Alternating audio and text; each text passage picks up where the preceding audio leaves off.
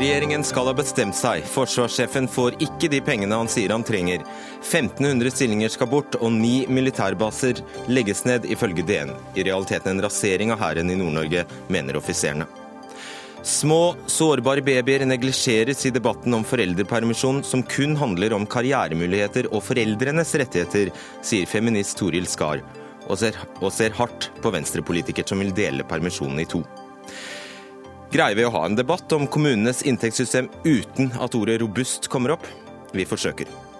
Og krangelen om søndagsåpne butikker tilspisses. Norgesgruppen forsøker å snikinnføre begrensninger for å kneble konkurrenter, hevder Rema 1000.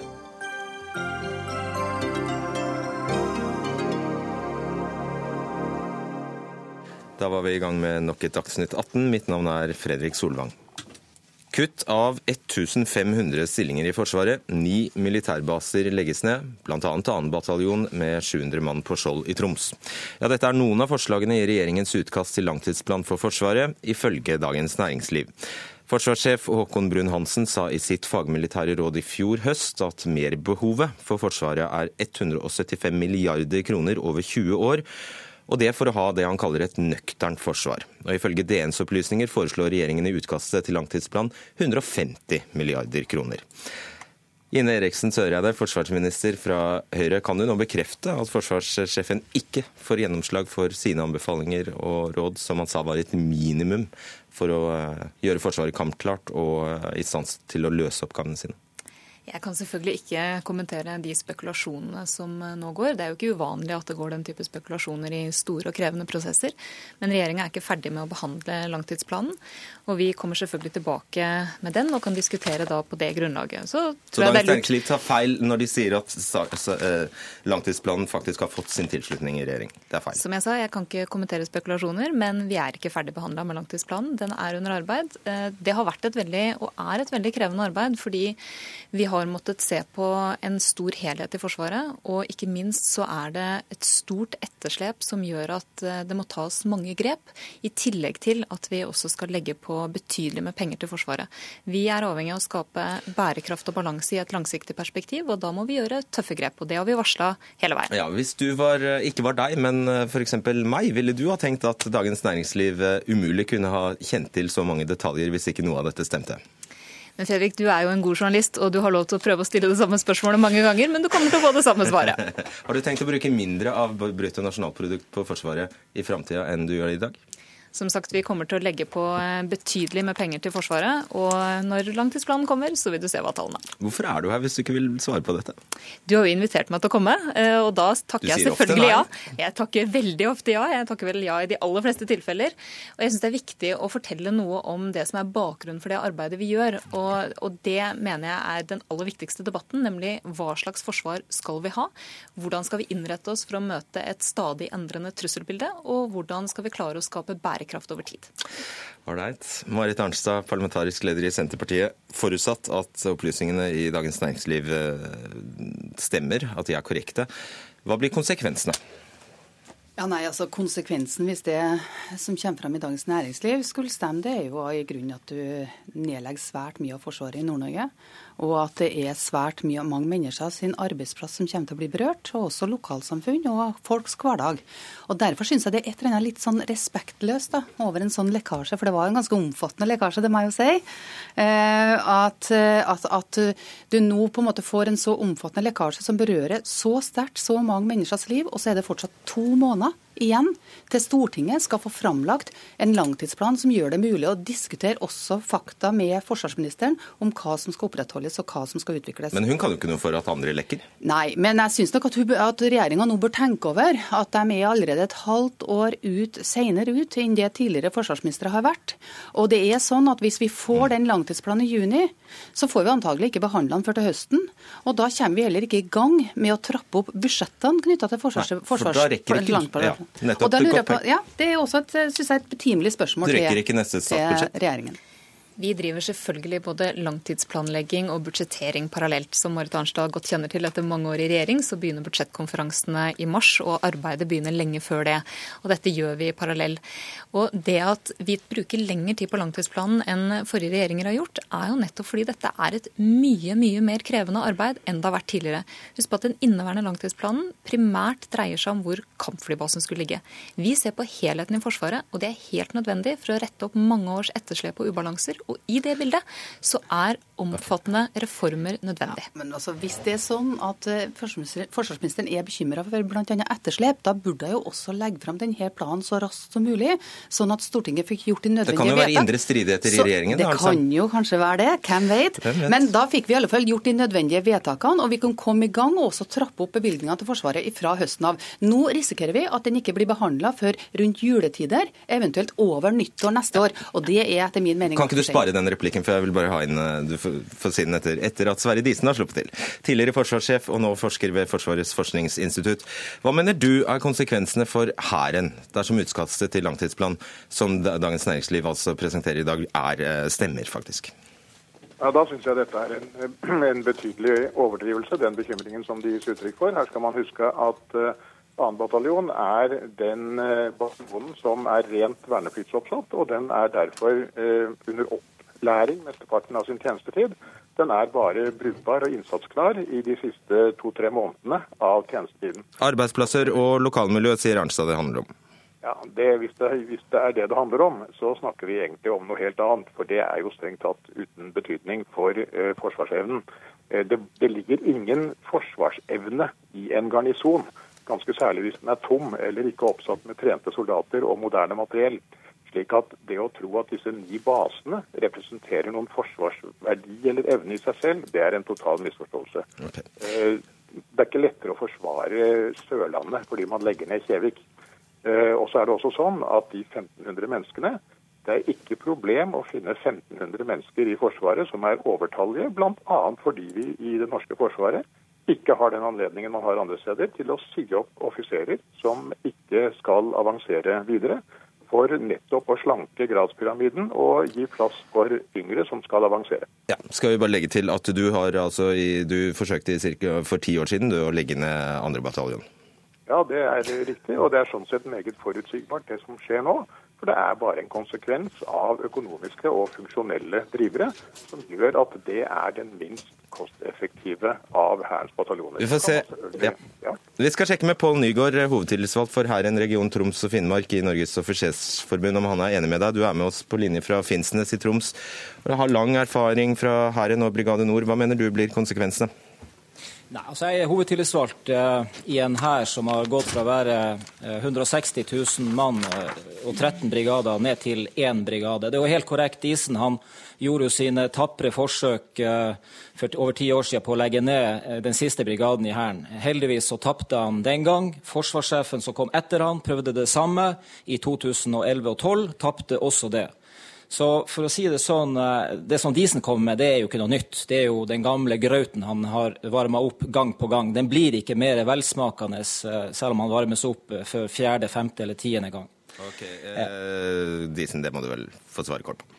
Ja, nei, altså Nå har jo jeg kjent Pål Nygaard lenge, og, og, det er mye han kan lære meg om, om lønn og arbeidsbetingelser og den type ting, men forsvarsøkonomi har han ikke noe særlig greie på. Og det burde jo være nokså opplagt at hvis det er flere forsvarssjefer som har prøvd å uh, gjøre det samme, med basis i råd og anbefalinger fra et stort og kapabelt utredningsapparat, så er det en grunn for det. Men la meg også bare si at hvis man da skulle la dette gå utover noe annet enn Hæren, altså spørsmålet om hva som er en balansert forsvarsstruktur, uh, så må man ikke gjøre den feilen å tro at, uh, at det som er en balansert forsvarsstruktur, det er liksom et et system hvor pengene er fordelt sånn noenlunde likelig ut fra et slags rettferdighetsprinsipp mellom forsvarsgrenene. Det er en stor misforståelse. Gitt eh, vår sikkerhetspolitiske situasjon, de områdene det er snakk om, den trusselen vi kan stå overfor, så er det å balansere en forsvarsstruktur det er et meget komplisert problem som ikke lar seg løse ved sånne slagord som ofte presenteres her. Ok. Statsråd, stemmer det at baser blir nedlagt? Trenger ikke å si hvor mange, men stemmer det at de blir, noen blir nedlagt? Vi har jo varsla hele tida at det kommer til å være behov for omfattende grep. Og fagmilitært råd fra forsvarssjefen har jo også en omfattende basenedleggelse. Og det er jo bl.a. fordi vi i dag på mange områder har en sårbar basestruktur, som er sårbar for angrep bl.a. Og dette er jo en konsekvens av den sikkerhetspolitiske situasjonen. Vi har men altså, dette er jo ingen hemmelighet. Det har jo ligget klart hele veien at det må bli endringer. Det er vanskelige valg man må ta. Vi har valgt å prioritere i de budsjettene vi har lagt fram, å øke den operative evnen. Vi har begynt på den snuoperasjonen som er helt nødvendig for å styrke forsvarsevnen. Det kommer til å ta tid. Og det er klart at Den forrige regjeringa og regjeringer før det har valgt å ikke bruke de gode tidene til å styrke beredskapen og Forsvaret. Og Det betyr at vi har en jobb å gjøre nå med å først klare å få det vi har til å virke godt, øke beredskapen, øke aktiviteten og også investere i de nye og moderne okay. kapasitetene Norge trenger. Den var til deg. Ja, altså, eh, Disen kjemper gamle slag. Og Høyre driver en utprega form for dobbeltkommunikasjon. Eh, altså, hvis det var sånn at det er et stort etterslep, ja da burde forsvarsministeren snarest legge frem langtidsplan, sånn at vi kan komme i gang med de økonomiske bevilgningene i statsbudsjettet til høsten. Senterpartiet, Senterpartiet ønsker at du skal sette av til sammen 2 av BNP til forsvarsbudsjettet, eller forsvarsutgiftene. Det vedtok også Høyre på sitt landsmøte i helga. Men når en hører forsvarsministeren her, så skulle en tro at det ikke har noe betydning. Jeg må at hvis du, hvis du sitter igjen med en langtidsplan som foreslår å legge ned Skjold, som foreslår å legge ned Sjøheimevernet og kystjegerne, da tror jeg det at den eneste alliansepartneren Frp og Høyre kan håpe på i Stortinget, er SV. Og det, ja, det er faktisk interessant. Veldig interessant konstellasjon i forsvarspolitikken, om det var der de skulle støtte dere. Men da, da, eh, eh, ja. ja, ok, Disen, Disen.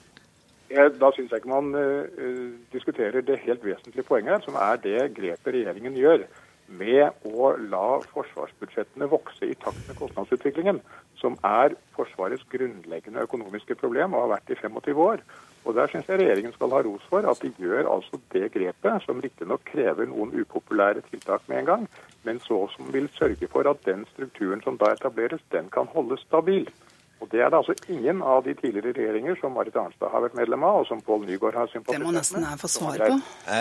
Men det forhindrer ikke at vi akkurat nå har en debatt der Høyre også har gått nokså klart ut gjennom sitt landsmøte og sagt at de skal bruke 2% av BNP til forsvar. og Det kommer nok også Frp til å si i helga, men det er nok bare kakepynt for de to partiene når det kommer til stykket, for det er nok forsvarsministerens egentlige resonnement som her ligger til grunn. Dette er et veldig, dette er et veldig interessant resonnement. Altså, Marit Arnstad kommer fra et parti og en tidligere regjering regjering som i løpet av åtte år da de satt med makt, hadde en realvekst på 0,2% i snitt realnedgang fire år i regjering. Plutselig har de kommet på at de nå skal bruke 2% av BNP. Det mangler sånn ca. 15,3 milliarder right. kroner ja. i det budsjettforslaget Senterpartiet har lagt fram. fram den langtidsplanen. Ikke vent til midten av juni. Det er uredelig overfor dem det angår. Men Marit, Marit Arnstad, det viktige nå det er ikke noen vei å gå. Men Marit Arnstad, det viktige nå er følgende. Regjeringa har økt budsjettene. Det har vært viktig for den operative evnen å ta igjen etterslepet. Vi jobber grundig med en langtidsplan ja. som vi skal legge fram for Stortinget. Den jobben må vi gjøre ferdig. Og så kan vi diskutere realitetene etterpå. Ifølge eh, dag, så er den ferdig. Du, du, sa tidligere i dag at det er oppsiktsvekkende at dagens regjering vil gjennomføre det du da mener vil innebære en rasering av Hæren. Eh, kan du beskrive for lytterne den situasjonen du mener Hæren i Nord-Norge står overfor eh, med hensyn, å, med hensyn til å ivareta landforsvaret, altså i tilfelle et angrep fra Russland f.eks.? Når jeg snakker om Hæren, så snakker jeg Hæren i Norge. En del av det, eh, Halvparten er plassert i nord, halvparten i sør. Eh, for å si det litt sånn grovt forenkla. Brigaden er en avdeling, et system som må øves. Og hvis vi fjerner det systemet og går ned på det Disen har forfekta i ti år, på to bataljonsstridsgrupper, så mister vi evnen til å øve i det brigadesystemet og ha den slagkraften som enhver moderne nasjon eh, som har et landforsvar, eh, har tilgjengelig. Her, vi er på et minimum. Forsvars, dagens forsvarssjef har ikke foreslått eh, å legge ned brigaden. Han har derimot sagt at vi skal nå styrke Hæren, og vi skal bl.a. etablere en bataljonsstridsgruppe på Eh, på, på, i Porsanger, og vi skal styrke på GSV, altså garnisonen i Sør-Varanger. Okay, så, ja. så, du kan si eh, Jeg er veldig positivt og glad eh, når ministeren nå eh, signaliserer at dette er kanskje en feilaktig lekkasje. Men det vi registrerer, det som bekymrer oss, det er jo nettopp det at ministeren fra en, en, en tale i Oslo Militære Samfunn ved nyttår begynte å endre en del på retorikken. Nærmest må skulle forberede både oss inne i Forsvaret og de utenfor okay. Forsvaret på at, hva som kommer. Du får svare. Det er greit. Sørre, du får avslutte. Takk for det. Nei, det er helt åpenbart at når vi har bedt om eh, et faglig råd fra forsvarssjefen, og veldig mange andre innspill også, så veier det tungt. Og jeg har valgt å være veldig åpen om situasjonen i Forsvaret. Det er nytt. Og jeg har også valgt å si at vi må ha utfordringene opp på bordet. Det har vi fått. Og så skal vi i fellesskap klare å løse de utfordringene. Det er en stor jobb både vi har foran oss, de ansatte i Forsvaret som gjør en strålende jobb hver eneste dag. Og det er viktig at vi når vi går inn i en framtid, også tar med oss Forsvaret inn i framtida. Det er det langtidsplanen kommer til å legge opp til. Noe... Og store bevilgningsøkninger. Ja, og nå skjer det ikke noe før juni. Nei, nå skal vi leve i uvisshet i to måneder. Vi legger fram langtidsplanen når vi er klar til å legge fram den langtidsplanen. Den kommer til å være grundig og gjennomarbeida. Takk skal dere ha, Ine Eriksen Søreide. Marit Arnstad, du blir sittende. Pål Nygaard og eh, Sverre Disen. Dagsnytt 18 alle hverdager klokka 18.00 på NRK P2 og NRK2.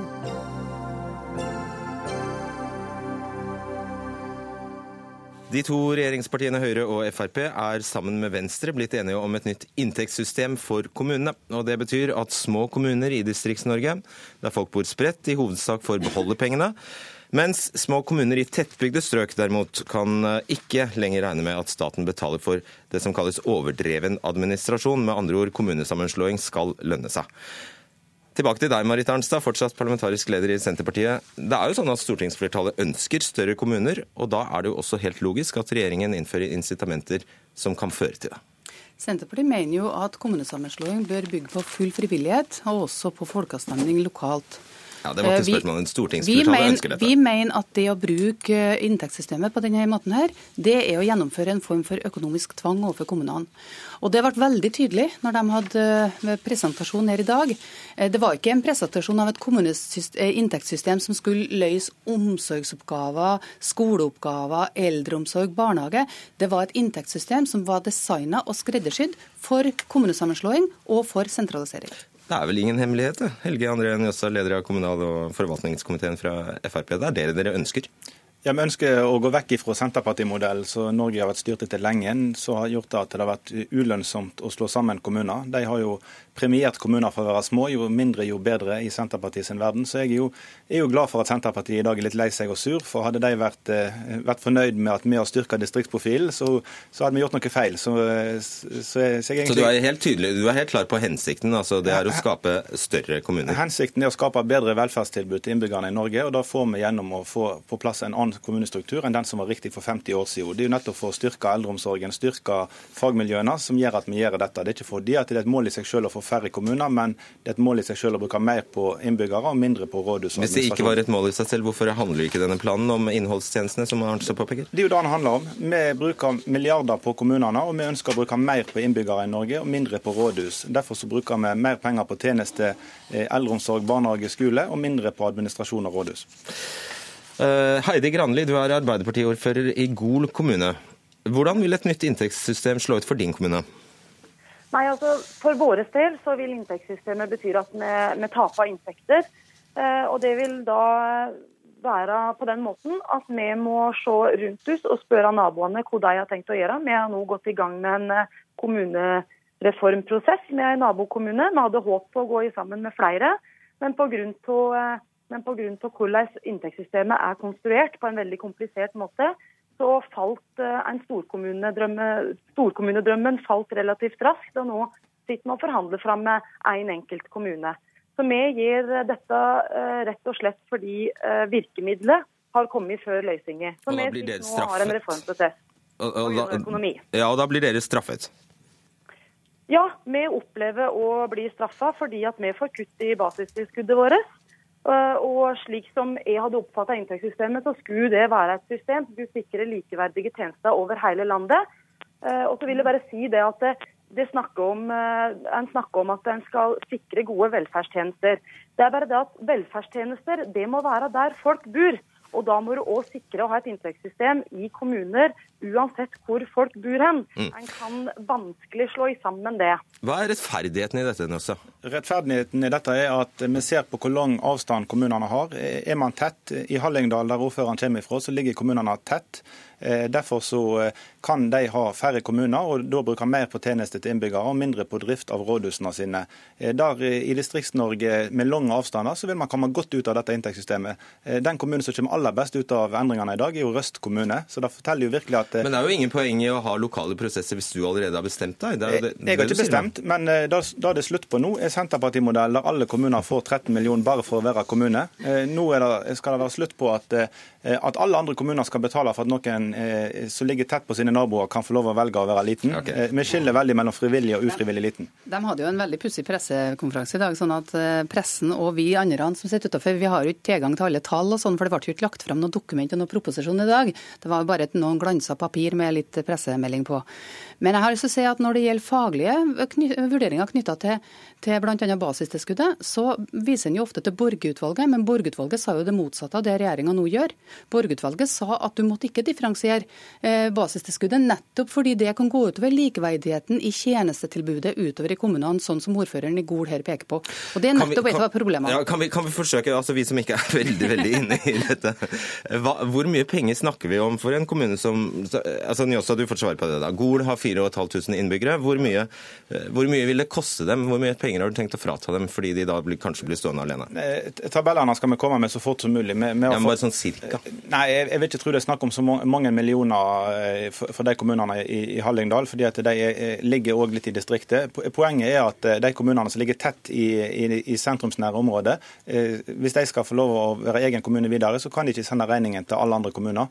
Eh, er- har man distriktsutfordringer, så styrker vi distriktsvirkemidlene. Vi, vi satser veldig Hører du hvor provoserende det høres ut, det du sier? eh, sier Nei, ikke, ikke nødvendigvis. fordi at eh, i, dag så får alle kommuner 13 millioner bare for å være kommune. eh, og, og det er klart at det er mange innbyggere i Norge som eh, som syns det er urettferdig, så syns det at vi har en feil kommunestruktur som har vært sånn i 50 år. Så at, eh, at Stortinget er nødt til å gjøre noe for å få på plass en riktigere kommunestruktur, det skulle jo bare mangle. Okay. Eh, Det er jo det Senterpartiet har motvirka i alle år, med å premiere kommunene. Jo mindre de er, jo mer penger får de. Jeg har jo ikke sett tabellene, men jeg regner med at det legger fortsatt en gigantoverføring også fra Distrikts-Norge i helhet og over til de fem-seks største byene her i landet. Og Det er typisk denne regjeringa, for alt de tar i i ulike sektorer, er etter hvert blitt til sentralisering og strukturreformer.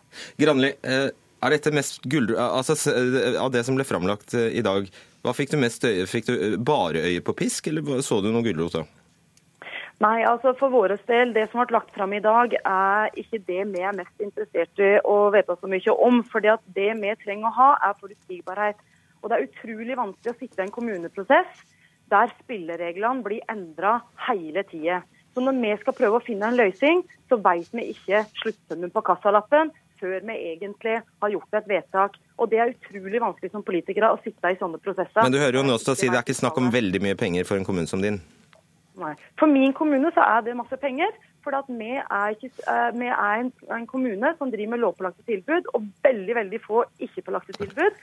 For oss så vil et kutt i det basistilskuddet føre til at vi må se på kvaliteten i de tilbudene vi faktisk skal gi.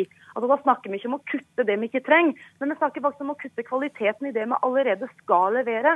Så da tror jeg det er lurt å ta seg en tur ut og se hvor kommunene faktisk skal levere hver eneste dag. Vi er ofte ute i kommuner, og Den sikreste måten å sikre inntektene på er jo faktisk å slå seg sammen. Da har man forutsigbarhet i 20 år. Man får beholde inntektene i 20 år som om man var flere kommuner. Så Det er gode gulrøtter for kommunesammenslåing. og Det er ikke noe som forandrer seg fra dag til dag. Det har lagt fast i hele reformen. Si to ord om hvordan du greide å få med deg Venstre på dette, dette her, Njåsa. Fordi det er viktig for Venstre òg å ha en kommunereform. Eh, og det er et bredt flertall på Stortinget som ønsker en kommunereform. Det er vel bare Senterpartiet som mener at kommunene skal se like Ja, ut. men hva smurte du Venstre med? Eh, Venstre Nesten, hele- nesten hele opposisjonen uten Venstre tar avstand fra den måten å endre det inntektssystemet på. Hva er det Venstre har fått her? Eh, Venstre har fått gjennomslag for, for masse, Blant annet de har fått gjennomslag for, for å være med i en prosess for å flytte ut statlige arbeidsplasser. De er, glad for å få et regionsentertilskudd som vil styrke mange regionsenter. Eh, Og de har fått framdrift i kommunereformen, som er viktig for Venstre òg. Og du er klar over at Frp har alltid vært imot utflytting av statlige arbeidsplasser fra Oslo? Vi er imot privat næringsliv først, eller for privat næringsliv først og fremst. Er Så dere har gjort land- hele mening, det. Det er det som har skjedd. Nei, vi funnet en god løsning i lag med Venstre og Høyre. Ja, Det er litt sånn strange bedfellows her. sant? Fordi at I forrige helg så ville jo Venstre kaste Frp fra regjering. og Nå står de da skulder til skulder sammen med Frp. Eh, og Det er ikke noe pent å se på, spør du meg. Fordi at eh, Her tror jeg rett og slett at Venstre har kjøpt katta i sekken. Eh, det her statlige arbeidsplassene det er jo ikke en eneste statlig arbeidsplass som er garantert utflytta ennå. Det vedtaket de gjorde i dag, det er omtrent det samme som det de gjorde i 2014, som denne regjeringa ikke har fulgt opp.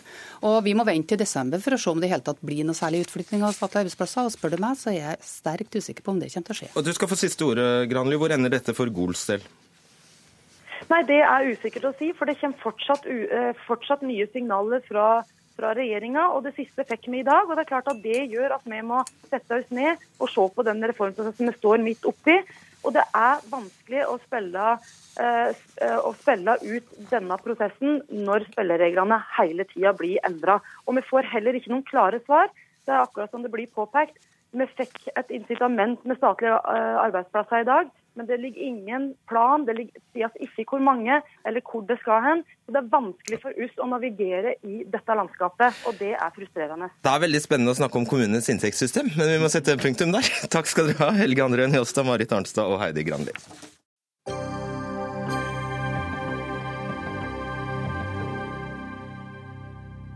For nå skal det handle om eh, hvordan barna våre har det de første månedene av livet. For sårbare spedbarn og deres ve og vel blir glemt når politikerne debatterer todelt foreldrepermisjon, antallet uker og rettigheter i arbeidslivet. Ja, Det skriver du, psykolog og feminist Toril Skar i Dagsavisen i dag, og du kaller debatten et sjansespill med sårbare babyer. Hva mener du med det? Vi har faktisk trodd mange, i mange sammenhenger at i første leveår så var barn relativt robuste, og da skjedde det ikke så mye. Men etter hvert som vi har fått mer forskning, ikke minst hjerneforskning, så er det helt tydelig at i det første leveåret så er faktisk, det er faktisk det mest formende i barnets liv. Og barnet er utrolig mottakelig og også sårbart. Og Samtidig så foregår debatten i sin ganske alminnelighet, og ikke bare når det gjelder Venstre, men også i andre partier blant politikerne, om uh, ukematematikk i forhold til arbeidslivet. Og, og, og, De snakker veldig mye om pappaperm og hvor mange uker pappaperm, men de snakker ikke om barn og barnets behov, og de snakker for, også veldig lite om moren og morens behov. Men Du snakker altså om ny, spesielt hjerneforskning. altså Viser denne forskningen entydig at eh, barna har best av å være sammen med en omsorgsperson, mor? Den viser at, at hjernen, barnets hjerne vokser utrolig fort de første, første, månedene. Og at det da er best for barnet å ha en intim kontakt med mor. Mors hjerne utvikler seg, forandrer seg faktisk også. Og det dreier seg nok om amming, men det dreier seg like mye om kroppskontakt, lukt, syn, hørsel, nærhet. Og at det er nødvendig med en kontinuitet og en stabilitet i den kontakten utover første år. Og så kan far komme inn etter hvert med sin rolle. Når da, syns du? Ja, altså Det kommer jo litt an på hva far skal gjøre. Eh, I første måned er det jo viktig, kan far ha en veldig viktig betydning for å hjelpe mor. Hun er jo sliten etter fødselen. Og... Men jeg tenker på, på, altså, på, på, fullt, altså, på dagtid, fullt, seks måneder, er det for tidlig? Altså, det, altså jeg synes det å begynne med månedene blir feil. fordi at det som er vesentlig, er jo hva som skjer med barnet. Hvem som tar seg av barnet, og, og, og hva barnet opplever. Og For min del, må, altså barnets del, må barnet, faren gjerne være der hele tiden. Men han har da andre ting enn mor. Men han, han kunne hjelpe mor med husarbeid, f.eks. Og, og så hun kan komme seg etter fødselen osv. Så, videre. så så poenget er jo her hva skjer rundt barnet. Mm. Ok, Guri Melby, gruppeleder i Oslo Venstre og forkjemper for delt, altså todelt foreldrepermisjon. Der gikk du på et uh, tap i det eget parti i uh, forrige helg. Men du har for tiden mammapermisjon for din to måneder gamle sønn, og har planer om å dele permisjonen helt likt med barnefaren. Hva sier du til det Toril Skar sier? Uh jeg vil jo si at jeg synes det er veldig bra at hun løfter barn, barneperspektivet inn i debatten. For det er jeg enig med deg i, at det har kanskje ikke vært der godt nok til stede. Men nå skal det jo sies at det som var rammen for Venstres debatt i helga, var jo nettopp et dokument som handla om barns oppvekstvilkår. Det handla ikke om arbeidsliv, og det handla faktisk ikke om likestilling heller, men det handla om barns oppvekstvilkår. Og det var hovedpoenget med den debatten vi hadde. Og da gikk dere glipp av denne forskningen Skarvitser til, Arne? Ja, eh, det finnes eh, helt sikkert hjerneforskning som sier noe om mors betydning for barnet, men det finnes også forskning som sier noe om hvor viktig far er for barnet. For et par år siden så kom det bl.a. en avhandling av ei som heter Kristin Nordahl, som sa noe om hvor viktig barn, farens inntreden i barns første leveår var for barns sosiale utvikling. Så jeg tror nok at eh, den rollen mor og far har, det er riktignok forskjellig, men jeg tror nok at vi kan oppnå gevinster også ved at far er tydeligere til stede. Så det handler ikke bare om likestillingsperspektivet, som er helt åpenbart, men jeg mener at det ikke trenger å være en motsetning mellom likestilling og barns beste. Det leser forskjellig forskning? Altså, ja, det kan vi kan gjøre, men altså, veldig mye av den hjerneforskningen er jo relativt ny. Ellers må jeg si at jeg har jo arbeidet for pappaperm hele mitt liv. Og jeg mener jo at, at spedbarn har bruk for kontakt med både mor og far, men på forskjellig måte. Og det som jeg syns særlig den nyere hjerneforskningen bekrefter, det er behovet for kontinuitet med mor over et års tid. Og far kan jo være til stede, være med, og så blir hans rolle viktigere i det andre leveåret. Så et sånt forslag, bare ta, hvis, hvis, jeg kan be deg om å forholde deg til det. Så, så, konkret forslag som Venstre fremmet, eller deler av Venstre fremmet, om å dele permisjonen likt i to. Dvs. Si at bort, den delen som far ikke tar, bortfaller. Altså, jeg syns at det blir helt feil. For det første at, at, at fars del bortfaller. Men jeg syns også den matematikken blir feil. fordi at vi har å gjøre med to helt forskjellige mennesker i forhold til barnet. Mor er, er, har født barnet, mor ammer. Mor har en helt spesiell nærhet til barnet i første leveår. Far da, da, har også en nærhet til barnet, men ikke på samme biologiske måte som mor. Og heller ikke samme sosiale måte som mor. Slik at de er, er likeverdige, men forskjellige. Ja, Norge, En av Norges mest respekterte feminister har talt, ja. rett og slett. Ja, jeg synes jo det er interessant. Jeg mener jo at eh, hele fedrekvoten har vært det viktigste som har skjedd for likestilling i Norge den siste generasjonen. Eh, den ble jo innført tidlig på 90-tallet eh, og har økt da ganske kraftig til ti uker i dag. Og jeg kjemper jo for at den skal bli enda lengre. Og grunnen til det er jo at vi ser at det fortsatt er store forskjeller mellom kvinner og menn, både i arbeidsfordeling i hjemmet og i yrkeslivet. og jeg har jo ment lenge at det er, det er, jo først den dagen vi stiller bak stamme startstrek no, eh, i arbeidslivet. Men du deg jo ikke helt ja. til argumentene hennes, da. Nei, men, men, spørsmålet er jo om det trenger å være en motsetning da, mellom disse likestillingshensynene og hensynet til barns beste. Eh, for spørsmålet er jo om mor begynner å jobbe, betyr det da likevel at mor ikke har en viktig nok rolle i barnets liv? Eh, med de ordningene vi har i dag med ammefri og sånne mm. ting, så betyr det jo at kanskje i løpet av en uke så er du på jobb en 30 timer hvis du begynner å jobbe. Er det for mye, da? Er du da for fraværende for barnet? Jeg tror ikke det. Og jeg tror at det, det du får tilbake da, med at far tar mye større ansvar, ikke bare det første leveåret, men i mm. resten av barnets oppvekst, mer enn nok kompensere for at mor er litt mindre til stede. Altså jeg synes det er en fantastisk spennende revolusjon som har skjedd, at fedrene har kommet mer på banen. Men de glemmer jo mor og barn mange ganger. Og, må, og det her er det jo tre parter, ikke sant. Det er, det er far og mor og barn. Og, og, da må en se de tre i sammenheng. Og det blir jo ikke likestilling av å behandle to veldig forskjellige parter, en far og en mor, likt. De må jo, fordi de er forskjellige, faktisk behandles forskjellig. Men, men Skar, jeg, jeg, må bare spørre deg, siden, siden du, du, argumenterer mye biologisk her. Hva med par, og de finnes i dag, som består av to kvinner? Blir barnet, for, barnet dobbelt så bra? Nei, det, altså, det, Poenget mitt er i første, er første omgang nærheten mellom barnet og den personen som har født det. Og det har noe med lukter og, og sansning osv. Så, videre. så et par eh, som består av to homofile menn uten at det er noen kvinner involvert i det hele tatt, det er ikke å anbefale, da, f.eks.? Altså, det, det er jo en veldig Da har de jo tatt barnet fra moren. Og det jo, vil jo jeg synes var en alvorlig sak. Her er det jo noe med, med, med, den kroppen som har født et barn, og det barnet som har, har kommet ut. Og, og, og, og kan, klart, den kvinnen som har født det barnet, kan ha partner, ulike partnere, men deres rolle er da annerledes enn morens. Mm. Heldigvis så ser vi jo at det stort sett går ganske bra med barn som også vokser opp med om det er to fedre eller to mødre, om far har vært mye hjemme og mor har vært ute og hatt en karriere, så ser vi at det ofte går veldig bra med barna. Eh, og jeg har jo tillit til at foreldre faktisk tar gode valg på vegne av sine barn og setter hensynet til barns beste forrest. Men jeg tror også det er viktig for barnet at foreldrene har det bra i sine liv. Og derfor så mener jeg for kvinner så mener jeg at det har vært en stor positiv utvikling at menn tar større ansvar hjemme. Det betyr at kvinner kvinner også kan realisere seg på flere arenaer, og det tror jeg er veldig bra for barna. Veldig kort. Men eh, det vi gir til far, må ikke gå på bekostning av mor. Og det har det nesten ikke gjort heller foreløpig. Eh, jo, hun har fått mindre permisjon enn hun hadde før. Nei, i sammenligna med hva da? Altså, nå eh, Med dagens ordninger så har jo mor mulighet til å ta, ta, ja. ta, 40 uker med permisjon. Og det, det, Historisk sett så har det nesten aldri vært noen perioder der mor har kunnet tatt så mye ja, permisjon som i dag. Det er, det er fordi det utvides og utvides og utvides. Ja. Takk skal dere ha, Toril Skar og Gurin Melby.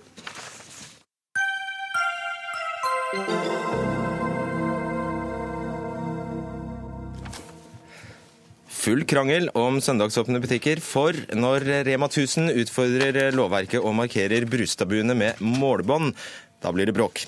I dag forsøkte Norgesgruppen gjennom fagforeningen Handel og Kontor og bransjeorganisasjonen Virke å lansere en felles plakat for søndagsåpne butikker. Men det vil ikke Rema 1000 være med på. Direktør for dagligvare i Virke, Ingvild Størksen. Hva går denne plakaten ut på? Altså først og fremst så er det sånn at det er eh, Handel og Kontor som tok initiativet. Eh, virker selvfølgelig med på det. Men det er både Coop, Bunnpris og Norgesgruppen som er med på denne plakaten, eh, for ordens skyld. Men målet med denne plakaten er jo å synliggjøre tydelig eh, hvordan eh, lovverket skal praktiseres. Det er altså ingen tolkning av lovverket, men det er en tilgjengeliggjøring eh, av hvordan rett praksis skal være. Så en presisering av loven? Rett og slett en, en guide til hvordan man praktisk skal etterleve lovverket. Ok. Uh, betyr det at det var noen av medlemmene deres som kanskje ikke praktiserte loven tidligere? Altså det betyr jo at uh, vi, vi, ser jo gjennom de medieoppslagene som har vært den siste tiden, at det er et behov for å uh, tydeliggjøre praksis. Det skal sies at bransjen i all hovedsak opptrer selvfølgelig innenfor lovverket. Det er vi veldig opptatt av. Sånn skal det være. Det skjer glipper, det skal ikke skje. Så dette er da et verktøy til å gjøre det tydelig og klart hvordan man skal praktisere det. Mette Fossum Beyer, kommunikasjonsdirektør i Rema 1000. Det kunne dere vel vært med på? Du, Vi er ikke imot en felles forståelse av et regelverk, men det er jo nå engang sånn at uh, Norgesgruppen, som styrer nærmest uh, Virke her og sin bransjeorganisasjon, de har jo kjørt over fartsgrensa i mange år. Og med en gang vi begynner å gjøre som dem, så skal de plutselig be alle om å holde seg til fartsgrensa. Ja, hvis de ikke er så avansert, hva mener du med det? For å si det sånn, Norgesgruppen har holdt på å bryte dette regelverket i mange år. Mm. Dette har vi utfordret i mange år. Eh, og vi har også utfordret regjeringa, og vi har anmeldt våre konkurrenter. Og ingenting skjer. Ikke før vi gjør det samme som våre konkurrenter. Da reagerer Virke. Og man burde jo ha reagert noe før. Svar på det. Jeg er jo dypt uenig i den virkelighetsbeskrivelsen, først og fremst. Eh, det er sånn at bransjen i all hovedsak eh, opptrer fullstendig innenfor lovverket. Hvor gammel er, er denne loven egentlig? Brussa, den kom vel 18 år, så det å komme med en plakat etter 18 år kan man vel kanskje si er, er litt for tilfeldig at kommer rett etter at Rema 1000 introduserer sitt, eh, sine bånd? Nei, altså det vi ser er jo at nå er jo temaet veldig sterkt oppe med at det skapes et inntrykk av at det nærmest er vill vest. Det er jo ikke tilfellet. Der er vi rett og slett uenige. Jeg registrerer selvfølgelig at Rema har anmeldt altså samtlige av de som er på denne plakaten. Eh, og Utfordringen med at det ikke blir tatt tak i, er jo også det at da får man heller ikke muligheten til å renvaske seg. Uansett så er det sånn at selv om man skulle mene da eh, at enkelte bryter loven, eh, så skal loven følges. Og disse aktørene er veldig tydelige på at det mener vi alle sammen, at loven skal følges. Hva betyr det for dere å følge loven? Nei, Det betyr jo selvfølgelig at man skal følge loven. Altså, det, det, er derfor loven fins. Okay, skal det være lov å gå bak et forheng f.eks. For hente ut varer? Det er ikke det vi som bestemmer, det er det politikerne som bestemmer. Det står jo noe om det i denne plakaten. Ja, Det vi har gjort her, er som sagt å vise praktisk hvordan loven kan etterleves. Eh, og Når det gjelder det å hente varer, så har vi f.eks. en formulering eh, som vi har hentet fra lovverket, eh, hvor det står at varer som fra før selges i søndagsbutikken, kan hentes i øvrig areallager. Um, og Det betyr jo da at vi tydeliggjør det loven allerede sier. Dere bare gjentar loven? med ord som gjør det mer praktisk tilgjengelig for ansatte og for kunder. Så Målet er at denne, denne, plakaten skal henge i butikkene og være tydelig for kunder og for ansatte, eh, sånn at det ikke skjer. Vi ser jo dette her som en gedigen innrømmelse av at eh, Norgesgruppen har praktisert denne loven feil i mange år. Men det vi også syns er bekymringsfullt, er at eh, aktører i bransjen setter seg ned og bestemmer hvordan man skal tolke en lov. Og det er opp til politikerne å eh, ha lover og presisere det. Og vi tester det ut. Det er det ingen tvil om. Så, så dette her er liksom en viktig presisering av dette, at vi kan ikke sette oss sammen og bli enige om hvordan vi skal tolke den loven. Dere gjør jo nøyaktig det samme, dere to. Vi gjør nøyaktig det samme som våre konkurrenter har gjort i veldig veldig mange år, og har vært med på å bidra til at man har økt omsetning på søndag, og dermed innført søndagshandel. Det er jeg direkte uenig i. Eh, grunnen til det er for det første, det dere sier er at dere vil ha like konkurransevilkår. Det er vi helt enig i. Eh, så Det betyr eh, at man har full anledning til å åpne søndagsåpne butikker i dag ved å tilpasse de butikkene man har til å være innenfor lovverket. F.eks. med at man har da faste vegger og en egen inngang. Eh, den muligheten har dere allerede, dere har valgt å ikke ta det. Så syns jeg at det er synd at vi har denne diskusjonen her i det hele tatt. For vi er jo begge enige i at man grunnleggende skal følge loven. Dette er ikke en situasjon vi ønsker å være i. De som har skrevet under her, er sterkt opptatt av at loven skal følges, og vi vil veldig gjerne okay. ha dere med på det. Men det som er veldig spesielt, er at dere ikke har vært opptatt av dette før. Ikke jo. før vi innførte plastkjettinger for å bare vise hvordan denne loven kan tolkes, og hvordan vi tolker vår, eh, vår konkurrent i våre lokale ja, marked. La meg høre med deg, Beyer. Er det innenfor loven, mener dere, eller utenfor loven, det dere holder på med? Det kan åpenbart tolkes, fordi at det er usikkerhet i, på veldig mange av disse områdene. Også Så en, en av Norges største dagligvarekjeder bryter bevisst loven? Ja, ikke bare én. Alle Dere. gjør jo det.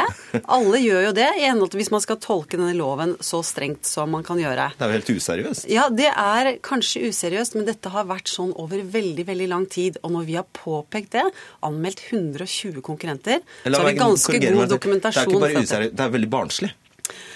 Vet du hva, denne bransjen her har lenge bedt om, også samlet, at man skal se på denne loven på nytt. Og det sa regjeringen. Når de, ble, når de, gikk inn i regjering, så hadde man en regjeringserklæring som sier at man skulle åpne for søndagsåpne butikker. Og det skjer ingen verdens ting. Og det betyr at denne regjeringen Du vet du kunne blitt politiker hvis det var politikken du ville endre? du, vet du hva. Næringslivet trenger forutsigbare rammevilkår. Og i denne saken her så er det utrolig viktig. Dette er en bransje som omsetter for over 160 milliarder kroner. Og vi må nå se på å få tydelige retningslinjer. Stedet tar det loven i egne hender. Norgesgruppen ville ikke være med i Dagsnytt 18 i dag. og Det til tross for at Norgesgruppen altså er den dominerende aktøren på søndagshandel som ønsker å bevare Brustadbua. Norgesgruppen, som vi husker, applauderte Trond Giske da han krevde at regjeringen reagerer på Rema 1000, og slo fast at loven er klar og må følges. Eh, og Dette er altså den samme Norgesgruppen som ikke syns det er noen god idé at eh, politiet skal bruke tid på Rema 1000s anmeldelse av Norgesgruppens altså, søndagsåpne si, butikker. Det som på en måte er litt synd, er jo nettopp det at de sakene ikke ble behandlet sånn at man ble kvitt disse unødvendige mistankene. Når det er sagt, eh, er det også sånn at vi ønsker jo ikke at politiet skal bruke ressurser på dette. så Her må vi være voksen og ordne opp sjøl.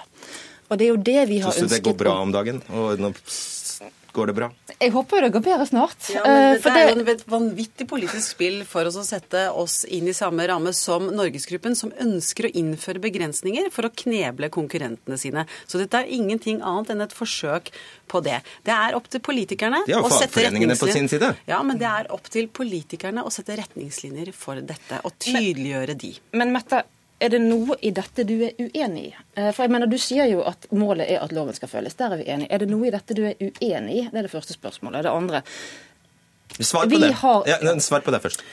Det jeg er uenig i, er at bransjen skal sette seg ned og bestemme hvordan loven skal tolkes. de har jo egentlig bare kopiert loven, da. Er du uenig i loven? Eh, vet du hva, de har ikke, det er, det er, på noen punkter de innfører faktisk eh, mer begrensninger enn det er i dagens lovverk. F.eks. man setter tydelige beskrivelser av hva slags varer man kan ha på et uteareal, og omfanget av det. Det er altså Norgesgruppen som bestemmer hva slags varer man skal ha utenfor butikken, og omfanget av det. Så det er litt spesielt. Og plutselig så kommer det inn også et eh, moment her om post i butikk, og det sier loven heller ingenting om. Okay. Så dette bare illustrerer poenget at bransjen selv ikke kan sette opp regler for hvordan, eh, eller hvordan, hvordan, loven skal tolkes. Hvis du ser bort fra at du blir utsatt for en viss hersketeknikk når hun kaller deg Norgesgruppen, eh, så stemmer det jo. Dere kan jo ikke bestemme hvordan denne loven skal praktiseres av alle aktørene. Det er nokså altså, frekt. Jeg, meg å benevne den Norgesgruppen. Ja, men det er nokså frekt av dere å late som at dere kan bestemme hvordan loven skal praktiseres av alle? Det gjør vi ikke, for det første. Jeg synes det er en interessant ting å se at det som du nå anklager oss for å være for streng i forhold til loven, hvilket jeg for øvrig er uenig i, eh, det du anklager oss for der, er jo nettopp det samme som dere har anmeldt underskriverne av denne plakaten for. Jeg, jeg får ikke det til å henge sammen hva dere egentlig mener om det. Når det er sagt, så kan vi gjerne snakke gjennom de punktene. Jeg er uenig med deg i det. Eh, men jeg skulle jo ønske at dere da hadde tatt imot invitasjonen som kom fra Handel og Kontor hos til å være med og diskutere disse punktene. Hvis grunnen til at du ikke ville være med på plakaten, er at du mener at den nå innskrenker mulighetene til søndagshandel, da syns jeg du skulle ha sagt det før, og så kunne vi tatt en diskusjon på det. Jeg kan okay. Dere åpnet ikke for den diskusjonen, og det vi var enige om å gå inn felles for, var å ha en felles et felles utspill til politiske myndigheter om en ny utredning av søndagsloven. Det var det ikke Norgesgruppen så veldig interessert i. De var mer opptatt av å presisere reglene, sånn at, sånn at de kan beskytte sine egne investeringer. Ja, og den ballen. Det er jo også feil, for vi har nei, senest hold- i går sendt brev til Ok. ministeren av dette om møte. Og da håper jeg vi kan gå sammen, sånn at vi får dreis på dette her og ikke får det som vi har det nå. Mette Fossum Beyer og Ingvild Støksen, takk skal dere ha.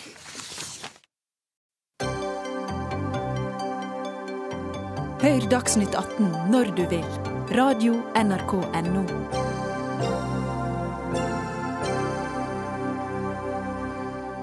I dag kom nyheten om at varsleren Edward Snowden saksøker Norge for å sikre seg mot å bli utlevert til USA dersom han kommer til Norge. Snowden delte i 2013 gradert informasjon om et amerikansk etterretningsprogram som avslørte storskala overvåkning av tele- og datatrafikk. Edward Snowden er etterlyst internasjonalt og siktet i USA for spionasje og tyveri av statlig eiendom.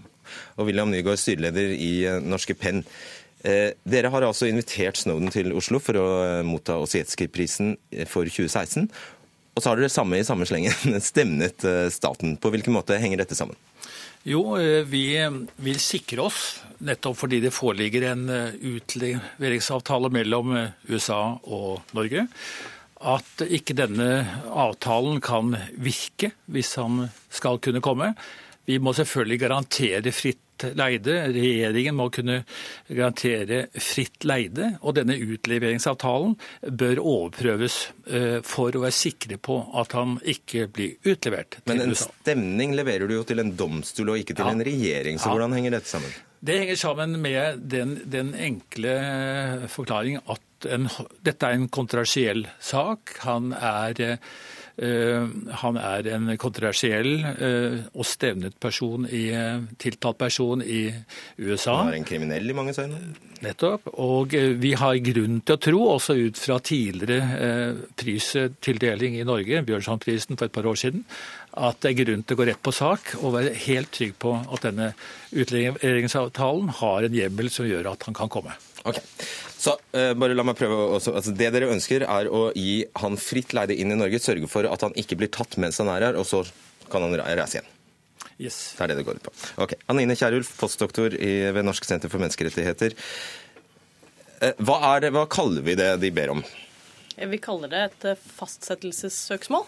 Man ber om å få dom for at et eh, rettskrav eh, er til eller ikke er til. Eh, Og I dette tilfellet så er det da spørsmålet om eh, utleveringsloven, eh, sammenholdt også med denne utleveringsavtalen som vi har med USA, eh, som setter en stopper for utlevering der hvor det dreier seg om forfølgning pga. politiske spørsmål eh, eller politiske forbrytelser, da kan man ikke utleveres.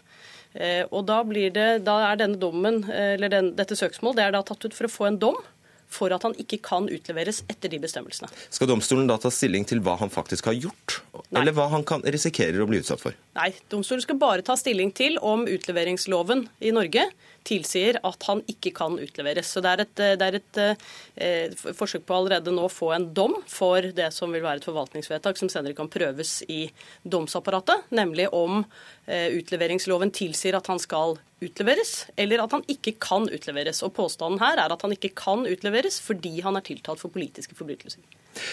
Eh, dødsstraff er ingenting. Altså, han, er, han er tiltalt eller han er, han er siktet etter føderal lov, i USA, så det, det er ikke snakk om at han risikerer dødsstraff. Hva kan det da være snakk om? Nei, Det, det, det nærliggende scenarioet hvis han blir utlevert, og det, det, er også viktig å, å, å ta med her, da du får ikke en den type dom hvis det ikke er en reell eh, et reelt overregnende behov for å få en dom i et sånt spørsmål. Og det er det her. Her eh, har USA har begjært utlevering. Eh, De har også begjært ham arrestert, tror jeg, så vidt jeg har klart å, å, å, se fra dokumentasjonen.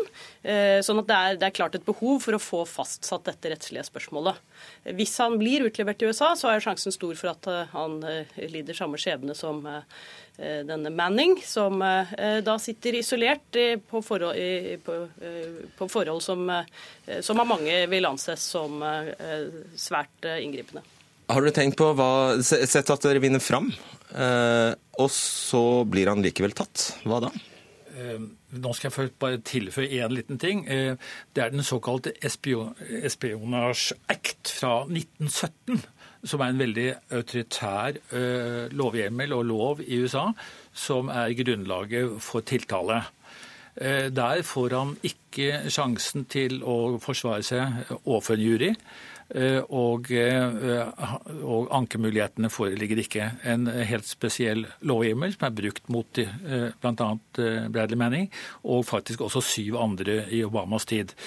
Hvis han ikke Hvis han blir Eh, hvis han får fritt leide og likevel betatt, så vil jo det selvfølgelig være en katastrofe for, for Snowden, for oss, for oss alle, for rettssamfunnet. Eh, og det er helt klart at eh, vi er nødt til å være veldig sikre på, så langt det går an å være sikre på, at den norske rettsstaten stiller opp med sitt sikkerhetsapparat til fordel for Snowden hvis han kommer. Ja, og Hvordan skulle du kunne sikre deg det på noe som helst vis? Nei, Det må vi bruke et skjønn på, og det skal vi gjennomgå grundig. Ja, altså, eh, det, det, har jo allerede vært tatt politisk stilling til dette spørsmålet tidligere, eh, da det ble spurt om regjeringen kunne garantere fritt leide. Da svarte jo justisministeren at eh, det kunne han ikke, fordi dette var et rettslig spørsmål som hørte under, til, under domstolene.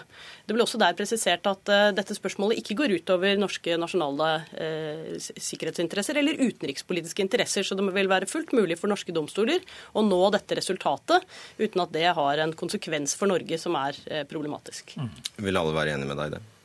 Nei, det kan godt hende at eh, de ikke vil, men, men eh, slik denne jussen er lagt opp, så skal det være mulig å gi fritt leide på denne måten til det som er målet eh, for dette søksmålet, nemlig at han kan reise inn i Norge og reise ut av Norge igjen etter å ha mottatt denne prisen. Og når han er her, kan han, kan han jo søke asyl?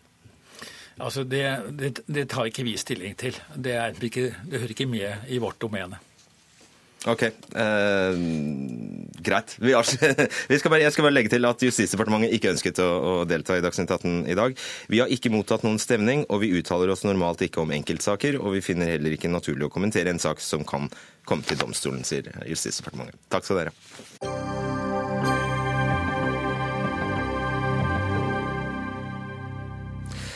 Dronning Elisabeth er den uh, britiske monarken som har sittet lengst på tronen. I dag fyller hun 90 år, og det går selvfølgelig ikke upåaktet hen. Uh, men samtidig kommer India på nytt med kravet om å få tilbake den berømte diamanten Koh-i-Noor, som i dag er en del av de britiske kronjuvelene. Espen Aas, korrespondent med oss fra Windsor i London. Ja, Dette indiske kravet om å få tilbake Koh i Nord-diamanten er vel eh, Det har vel ikke lagt noen nevneverdig demper på feiringen, vel?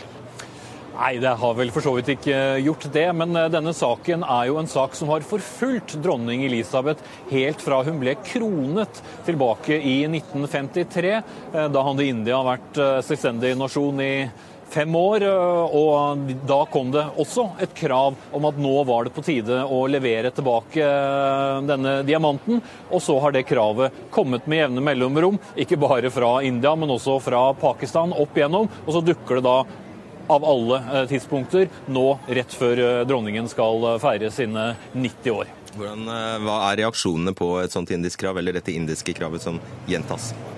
Altså her har jo reaksjonen eh, for så vidt vært lik gjennom eh, alle disse 64 årene mer eller mindre som har gått siden eh, kravet kom første gang i, i dronning Elisabeths tid. Og den er at dette er en diamant som tilhører de britiske eh, kronjuvelene. Den står jo på kronen til dronning Elisabeths mor, dronningmoren, utstilt i Tower of, eh, of, London. Og statsminister David Cameron har gjentatt, slik mange statsministre før han, at eh, det er ikke aktuelt å levere ut den. Skal de begynne, å levere tilbake, begynne med å levere tilbake den, så er det veldig, veldig mye som må leveres tilbake gjennom alle disse årene som det britiske imperiet jo samlet samlet inn både det ene og det andre fra eh, all verdens land som de da regjerte over, men som nå ikke lenger har noe annen tilknytning til Storbritannia enn i beste fall være en del av samveldelandene. Mye å levere tilbake. Hvordan har dronningen feiret dagen? Hun har jo da eh, gjort dette her i Windsor. Det er jo slik at uh, Britiske monarker feirer egentlig ikke sin fødselsdag, men de har da en offisiell bursdagsfeiring om du vil, som alltid er i juni. Det har det vært gjennom mange hundre år, rett og slett fordi været her på de britiske øyer er lunefulle. Og dermed har det vært ansett som trygt å ha den offisielle feiringen i midten av juni. Oi sann, der mistet vi deg brått, eh, Espen Aas. Det er altså sånn at dronning Elisabeth skal feire den offisielle, altså den offisielle markeringen av dronning Elisabeth den andres eh, fødselsdag skjer i juni. Trond Norén Isaksen, du er historiker og forfatter og har skrevet mye om europeiske kongehus og også om kronjuveler. Hva er så spesielt med denne Koh-i-Nor-juvelen? Det som er spesielt på den ene måten, er jo at det er en av verdens aller største diamanter. Den er vel på 106 karat, tror jeg. Det andre som er spesielt, er jo at den har en uh, ganske omtvistet uh, historie. Um, den ble altså gitt Riksadvokaten i India konkludert forleden at den ikke kunne leveres tilbake fordi at den hadde blitt gitt frivillig til Storbritannia i 1849.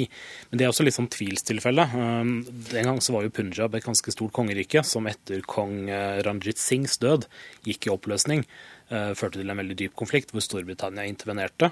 Og så I 1849 så inngikk da den barnekongen, som var sønnen av den avdøde kongen, en avtale med Storbritannia, hvor da altså den britiske generalguvernøren sørget for å få inn en liten klausul om at de da også skulle avstå Koh-i-Noor-diamanten nærmest som takk for hjelpen, samtidig som de annekterte Punjab. Så liksom hvor frivillig det er, det er jo noe man kan uh, men det har skapt politisk batalje i India, fordi det, den indiske riksadvokaten hevder at dette, denne overleveringen skjedde frivillig. Eh, står i sterk kontrast til, eh, til Mood, altså, eller eh, statsminister Moods oppfatning. Ja, Regjeringa har jo sagt at de ikke deler Riksadvokatens synspunkt, og at de vil gjøre alt de kan for å sørge for at denne steinen kommer tilbake til India. Men samtidig så er jo noen som da mener at den, hvis den skal leveres tilbake, så skal den leveres tilbake til noen andre igjen.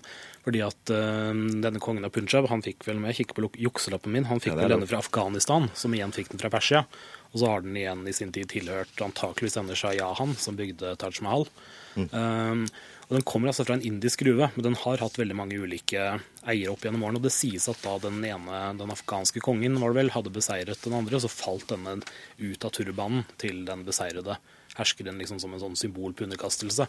Så den har jo vært omstridt gjennom hele historien. Ja, Alle de landene du nevner der har vel gjort eh, hevd på den? Det har de. Og Pakistan jo også, gjør jo også krav på den i og med at Punjab i dag er delt mellom India og Pakistan. Nettopp. Eh, den er verdt over 1 milliard eh, kroner. Hva er det som gjør den så veldig viktig for India? Jeg tror den har blitt et slags uh, symbol, kan man si. Uh, Regjeringa har vel kalt den for en umistelig del av vår nasjonalarv, eller noen sånne ting. Men den føyer seg vel litt inn i rekka av uh, omtvistede kunstgjenstander som mange land har uttrykt ønsker om å få tilbake. Det er jo ganske mye som det ble nevnt her tidligere, som har blitt røvet av ulike imperier opp gjennom årene. Mye å levere tilbake, som Espen Aas sier. Det er det. David Cameron sa vel i 2010, tror jeg det var, forrige gang dette ble nevnt, at hvis de først skulle begynne å levere tilbake ting, så ville de britiske museene være ganske tomme ganske fort. Og det gjelder jo for så vidt også i Sverige og i en god del andre land, som har forsynt seg godt gjennom årene som stormakt. Og disse ja, jeg vil ikke kalle det ran, men de, altså disse ervervelsene de skaper diplomatiske floker faktisk fra tid til annen. Det gjør det jo. Det mest, eh, om, mest omtalte er vel de såkalte Elgin Marbles, altså de marmskulpturene fra Parthenon på Akropolis, som Hellas i veldig mange år nå har krevd å få tilbake. Det var altså en britisk lord, eh, eller ambassadør, som i sin tid fikk den tyrkiske sultanens tillatelse, mer eller mindre, omstridt det også, til å ta med seg, og tok med seg ganske mye, som i dag er solgt til den britiske staten og oppbevart i British Museum. Og Hellas har jo bygd et helt nytt museum ved siden av Akropolis, hvor de vil ha det tilbake. Samtidig som britene jo blånekter å gi det tilbake. Og Det er jo kanskje bare det mest kjente eksempelet på slike omstridte ting. Når det er en kronjuvel, så er det jo ikke dronningens eiendom, men uh, kunne ikke vært en fin gest om hun ga uttrykk for at diamanten skulle leveres tilbake? Det er nok opp til regjeringa å avgjøre, siden det er eh, statens eiendom. Ehm, det skjer jo faktisk ganske sjelden at eh, sånne ting blir gitt tilbake. Jeg mener at Olof Palme ga vel tilbake noe til Polen som jeg ikke husker helt hva var, som nærmest hadde samme status i Polen som Snorre kongesagaer i Norge. Men ellers er det veldig sjelden. og Argumentet for det er vel nettopp det at hvis man først gir tilbake én ting, så åpner man Pandoras eske og kan plutselig bli stilt til veggs med veldig veldig mange krav fra ulike hold. Nefertiti-bysten f.eks., som oppbevares i museet i Berlin, gjør vi Egypt krav på. Så det er jo en god del ting som kan bli aktuelt å levere tilbake. Fascinerende. Tusen takk skal du ha, Trond Norén Isaksen. Du fikk avslutte denne Dagsnytt 18-sendingen. Det var Dag Dørum som var vaktsjef. Tekniker var Hans Ole Hummelvold, og jeg heter Fredrik Solvang.